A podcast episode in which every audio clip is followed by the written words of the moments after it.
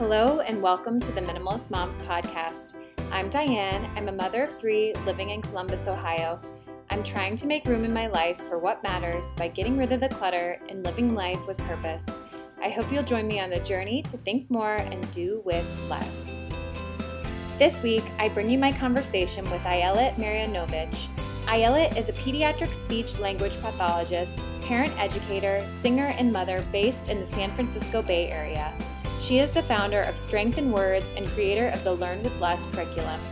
Her best selling books, Understanding Your Baby and Understanding Your Toddler, give families the confidence to connect with simple, natural activities. Today, we will have a discussion on how we can support language development and ultimately find more joy in the mayhem of early parenthood. But before we get to the interview, I want to encourage you to head over to iTunes if you haven't done so yet and leave a rating and review. One of the best ways to support this podcast is to do so, as it really helps the show develop a wider audience that enables me to bring you quality content and creators. This week's review is from Mini Mama. She says, Easy listen, great content and personal touches. Your podcast is very informative and also relaxing to listen to. Keep up the good work. And I have a special little request. If you know someone that is looking to declutter or pare down or live simply in the new year, recommend the Minimalist Moms podcast to them. If you go back to the archive, we have a ton of episodes that would be really beneficial for someone that's just starting out on their minimalist journey. And now for my interview with Ayelet.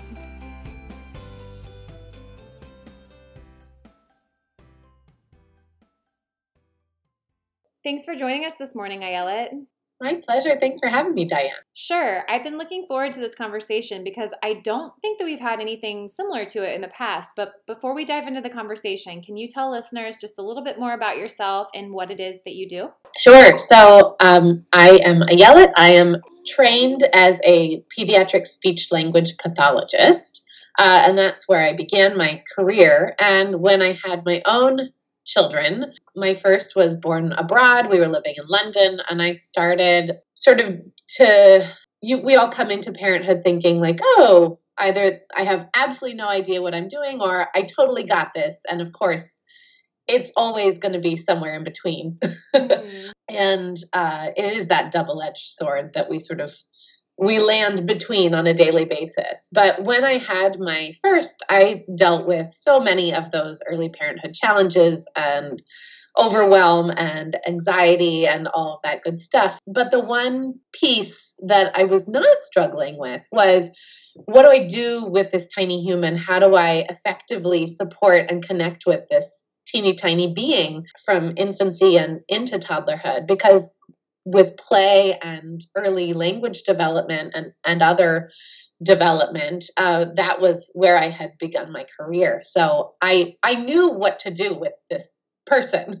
So to lure other new parents into hanging out with me, I started leading what I what you could call sort of developmental music, play, early parent support groups uh, in my home and that grew and grew and eventually i wanted to take it online because we were moving to another city and i wanted to continue to do what i was doing. So that became what is now the learn with less podcast and the learn with less website and a whole host of wonderful uh, early development resources for for parents of of infants and toddlers of all developmental levels. That's really what i do. So i, I help families understand that they can get gain the confidence that they can support their infants and toddlers and raise a great human from day one without having to buy any toys. Your skills in this interview will be really helpful as I'm trying to pare down even more than we already have, we entered parenthood, my husband and I, as minimalists, and we've tried to create that foundation with less.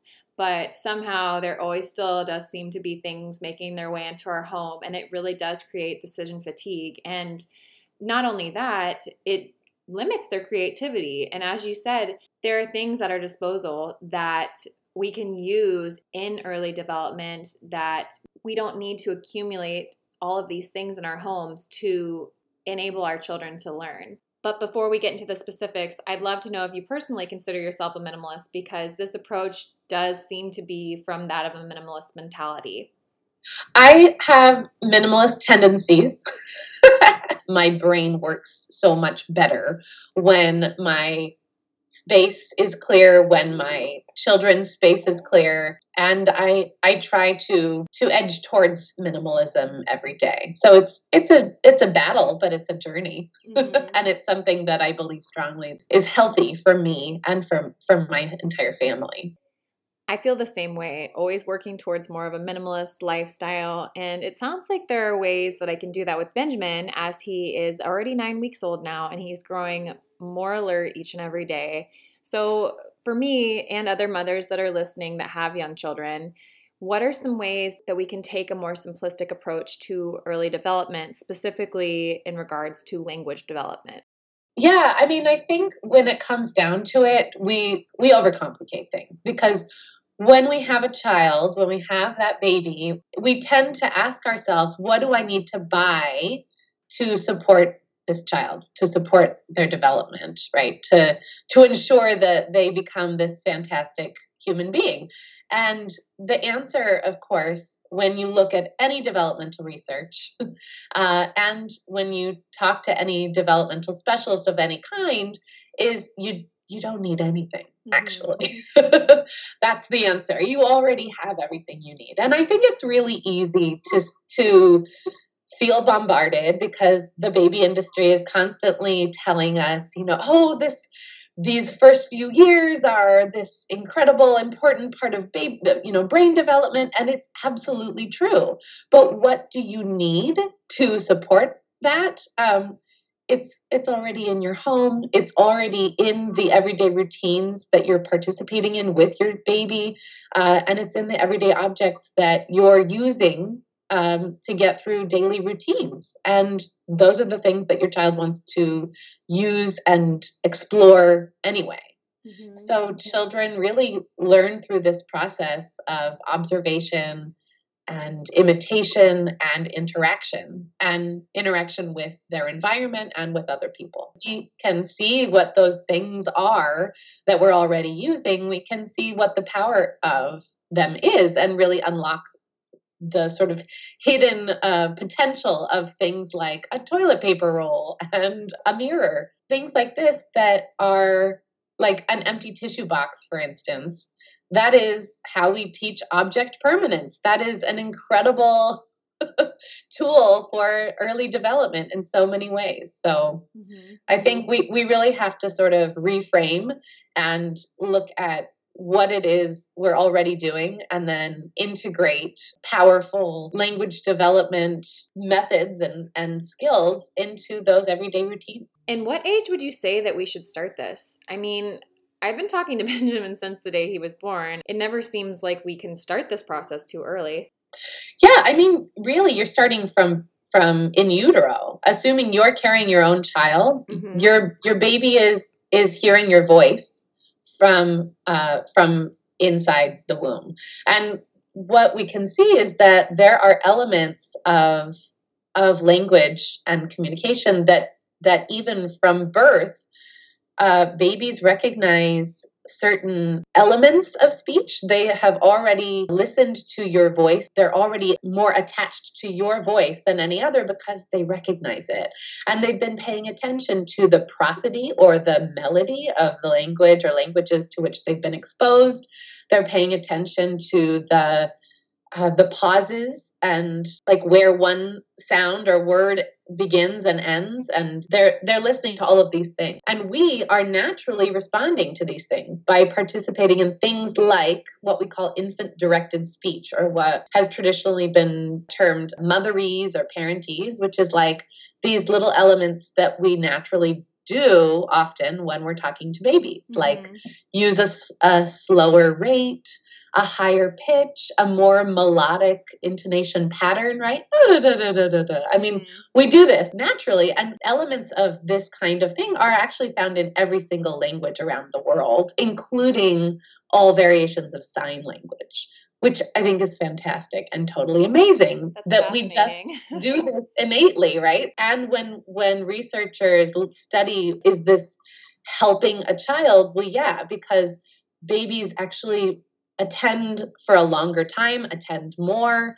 Uh, they know that because we are shifting the speech patterns, they know that we're talking to them and and they pay attention more. Mm-hmm. And it's mm-hmm. fascinating because it's literally for them. And what are we doing? We're making ourselves sound essentially more musical, right? Mm-hmm. Which is why one reason why I think that using music and and other elements are so important. And I I basically talk about like a four four pillars of what I call the learn with less curriculum, which which are play, talk, sing, and move and if you can infuse any moment of your day when you you know when you have your own wherewithal with more of any one or all of these pillars then you're doing everything you need to do. Like that's it. It's simple. Yeah so with a lot of your clients do you suggest routines? I mean i guess a lot of this we're doing in our day to day without much thought. Yeah i mean really it's about utilizing what you're already doing right? Okay. Um, if you're a working parent, you're most likely going to be around for some caregiving routine. If you're a stay at home parent, you're more likely to be around for all of those caregiving routines and as many of them as you are have the wherewithal again to do the, the more we can utilize these things so if we're talking about say a diaper change right? I mean, mm-hmm. we all change our children's diapers. It doesn't matter if you're using a cloth diaper or a disposable diaper, we're all doing it, right? And this is why I think it's so important because it, it doesn't matter where you are, who you are, where what languages you speak, what socioeconomic bracket under which you fall. Like parenthood is the great equalizer, right? We we can all do these things. We're all changing our children's diapers. So when we're talking about infusing more things like play into a diaper changing routine where I'm really just talking about becoming more playful with your voice, becoming more playful uh, with the materials around you, right? Playing peekaboo and then infusing more talk right? Talking uh, to your child when you're changing the diaper, uh, wondering aloud, imitating their noises, modeling the kind of language you want them to eventually use, right? And communicating for a variety of purposes. Just asking questions, stating commands, right? Oh, talking about what the child is doing, what you're doing, just narrating. Uh-huh. All of these things are very, very simple. And we're likely to already be doing many of them. And then sing, right? We don't all have to be musical to create musical experiences for our children, right? Again, I already talked about that sort of infant directed speech that we're all already using with these tiny humans. But we can we can you know, rhythm is everywhere. We can infuse rhythmic things into our daily patterns, our daily routines as well. And for for a toddler, almost everything is a percussive instrument anyway, right? So yeah. just integrating that more. And then move, I mean move movement is learning. So we we think of how we oh we, we get all these containers. Well, if we want them to learn how to move in their world, I mean so much of what they're learning through movement is a sensory experience is how how their bodies are in space is how the world works and where they are and where their body ends and starts. I mean all of these things are development. We i think we forget that it's it's right in front of us. I'm curious to see if there's research to tell I guess just what the sibling dynamic is with the baby. Just obviously with Charlotte, I had her and it was just Marty and I talking to her, just family members. But Martin had Charlotte and now Benjamin has Martin and Charlotte talking to him. So I, I don't know. I guess I'm just curious about that type of research. Yeah, I think we really we tend to worry because with that first child, they got our full undivided attention, right? And so when we can't possibly do that for for the next, you know, ensuing child or children, we feel guilty. But we have to remember that they're getting so much stimulus. they're getting mm-hmm. so much social interaction just by the nature of of this more peer like person mm-hmm. interacting around them and with them and and all of the language that we're using around them with their siblings they're hearing that too and we can take advantage of of integrating the sibling into those everyday routines so much as well hi friend i need to tell you about lola Lola is a female founded company offering a line of organic cotton tampons, pads, liners, and all natural cleansing wipes. It's all the things that we need once a month. The company was founded on one simple idea women shouldn't have to compromise when it comes to feminine care products. We really should care about the ingredients that are in these products, and with Lola, you get 100% natural ingredients. When I found out that other major brands use a mix of synthetic ingredients in their products, I was really happy to know that companies like Lola exist because their products are free of these added chemicals, fragrances, synthetics, and dyes. They even offer two trial sets, each featuring a mixed assortment of products for just $5. They include six compact applicator tampons of different sizes, as well as liners or cleansing wipes to try. When you purchase the trial set, you'll be auto subscribed to a full box of both products for the following month. Lola will send you an email before your subscription officially starts, so it's a risk free way to try the products. I love that Lola products come in a simple, customizable subscription, meaning that I get to build my own box of tampons or pads to contain the right variety for my need. I can decide how many boxes I need, and get this, they deliver them right to my front door. It's simple, which I appreciate, and I can change, skip, or cancel my subscription at any time. It's never been easier to try Lola, you guys. Get started with a trial set today. Get 30% off your $5 trial set today. Visit mylola.com and enter minimalist to redeem your offer. Now back to my conversation with Ayelet on the topic of learning with less it's funny because just the other day, Marty and I were talking about how we have more of a tendency to yell these days now that we have a five year old and a toddler running around. And it's kind of sad because Benjamin is growing up in that environment where he hears us yelling a lot more than Charlotte would have. And I don't know, I guess I'm not really asking a question, it's more so just stating an observation we found in ourselves. Yeah, I've I've found it too. I think for me, as far as what I find is everyone yells from time to time, or more than more than that. Mm-hmm. Uh, it de- and of course, it depends on what kind of household we grew up in, how our parents communicated with us what our natural communication tendency is with other people mm-hmm. and of course our own stress level like mm-hmm. it's very very difficult to regulate oneself when you're totally overwhelmed and sleep deprived and exhausted and frustrated mm-hmm. and you're trying to reason reason with a toddler which is really hard mm-hmm.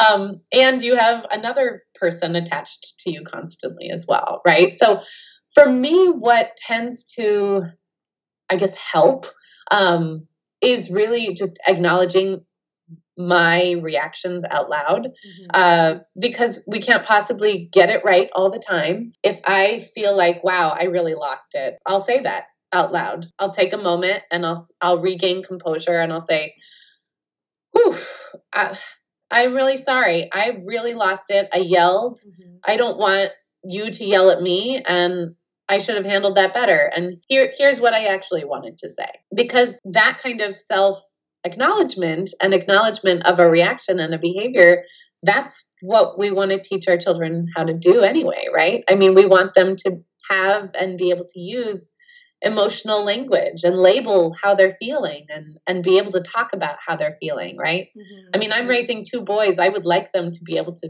talk about their their emotions. Mm-hmm. and that's one way to do it. I think just acknowledging that that humans don't always get it right and parents try their best and adults are not perfect either. And I think that's a really important lesson for children to learn actually from early on. Yeah, absolutely. And I actually just recently had Hunter Clark Fields on the podcast, and she just released a book, Raising Good Humans but she does talk about the best predictor of a child's well being being the parent's self understanding. So I like how you said we basically lead by example and the importance of asking for forgiveness when we lose our tempers and how beneficial that is and really creating a foundation of understanding and empathy in our children. So, well, do you have anything else you'd like to add? Those four sort of pillars of play, talk, sing, and move, those are those are it. That's that is everything basically. But really just involving your child in day-to-day life and and infusing more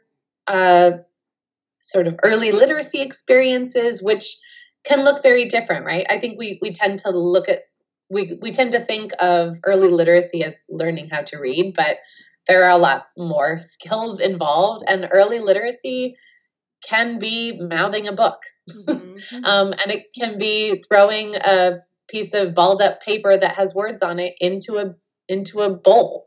All of those things are actually early literacy because early literacy in, involves things like print awareness and phonological awareness, which is like all of the sounds that we use and mm. that letters and and sounds and words have things in common and just handling print materials all of those things mm-hmm. are what eventually become literacy and it's just exposing our children to uh, materials that are say literacy materials or sensory awareness sensory materials of any kind and we we think of like sensory experiences as like a sensory bin or a sensory mm-hmm. sensory bottle but we forget that everything is a sensory experience, right? Mm-hmm. Visual experiences, auditory experiences, tactile experiences, mm-hmm. as well as smell and and taste as well. Like every meal is a sensory experience. And when we sort of readjust our ideas of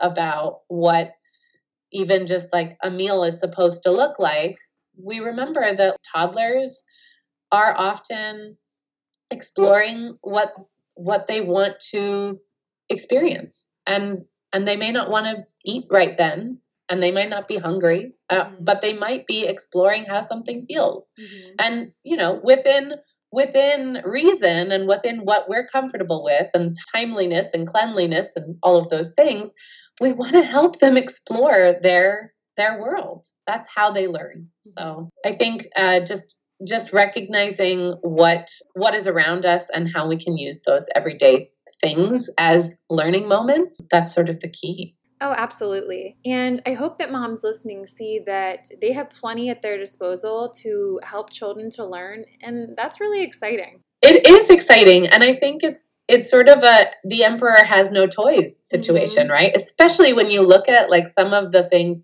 I don't know about you, but I am constantly being targeted on say Facebook getting served ads for these like fancy toy subscription boxes. And I mm-hmm. look at what's in them, I'm like, dude, mm-hmm. that literally is a toilet paper roll. That is a mm-hmm. sock. That mm-hmm. an empty tissue box. Like, come on, mm-hmm. what is happening here? Why do we think that we need to buy things? When we really, what we really need is like the background information to understand how to utilize what we already have at our disposal. Definitely. So, as we wrap things up here, I'd love to know what is your minimalist moment of the week?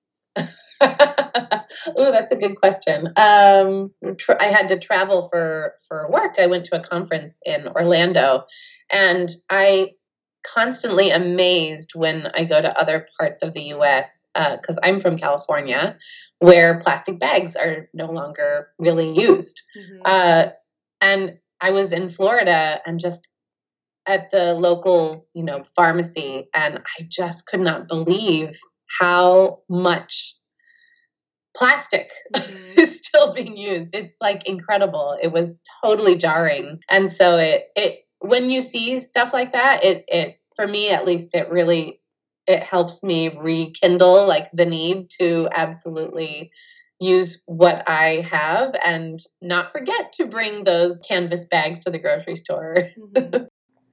I found that it's really helpful to leave the canvas bags or the bags that they sell at Trader Joe's just right in my front seat or in the side panel. And I just see them right before I exit my car and I don't forget to take them inside. So maybe if you're someone that struggles to remember to take your bags inside, you have them, but you just always forget, just move them there where they're not out of sight and out of mind.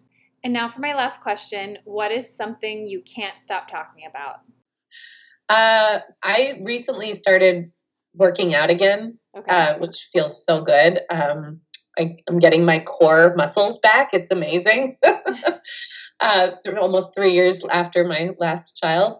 And so I've been doing that by uh, doing this thing called Lagree Fitness, okay. and it's on a megaformer, which is like if you take a Pilates reformer and you do all of the really hard, like slow, intense movements, do that for 45 minutes, and then you've got Lagree Fitness, and it's awesome. So I've been doing that for the last three months, and I I tell everybody that it's like the best thing ever. I've never done Pilates, but I know my mom said she was in the best shape of her life when she was doing Pilates when my sister and I were younger. So I'll have to check that out at some point. Maybe not during this baby season, but it's definitely on my bucket, my workout bucket checklist. So can you let everyone know where they can find you? I forgot to ask you that earlier.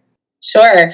You can head to learnwithless.com to find out pretty much everything. And I'm on I love Instagram, so I'm at Learn with Less on Instagram and Facebook as well.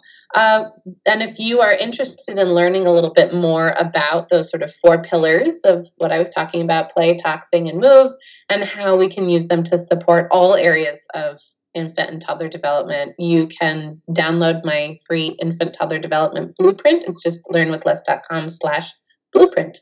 Um, and I have the Learn with Less podcast as well, which which uh, we dig into all of those biggest challenges of early parenthood things like understanding development making more with less setting limits and managing behavior and all all that good stuff. Well i will be sure to include all of that in the show notes so if you head over to minimalist moms podcast you can find that there in your episode and thank you so much for joining us today. I really appreciate it. Me too. Yeah thanks for having me on diane. I yeah. love the work you're doing what did you think of the interview with Ayelet? I personally was encouraged by how the little day to day things make such a difference in our babies and children's lives. Things like diaper changes and just narrating as I go about my day help encourage learning. It is so good to be reminded of these little things. So often we go in search of toys and the right tools and the parenting experts, but really there's no such thing as the right toy. And the only parenting expert is you. So I invite you to keep the conversation going at minimalistmomspodcast.com. There you'll find links to the Facebook page, the Instagram account, and where you can find me all around the web. Thank you for joining up on this journey. I wish you a lovely week as you think more and do with less.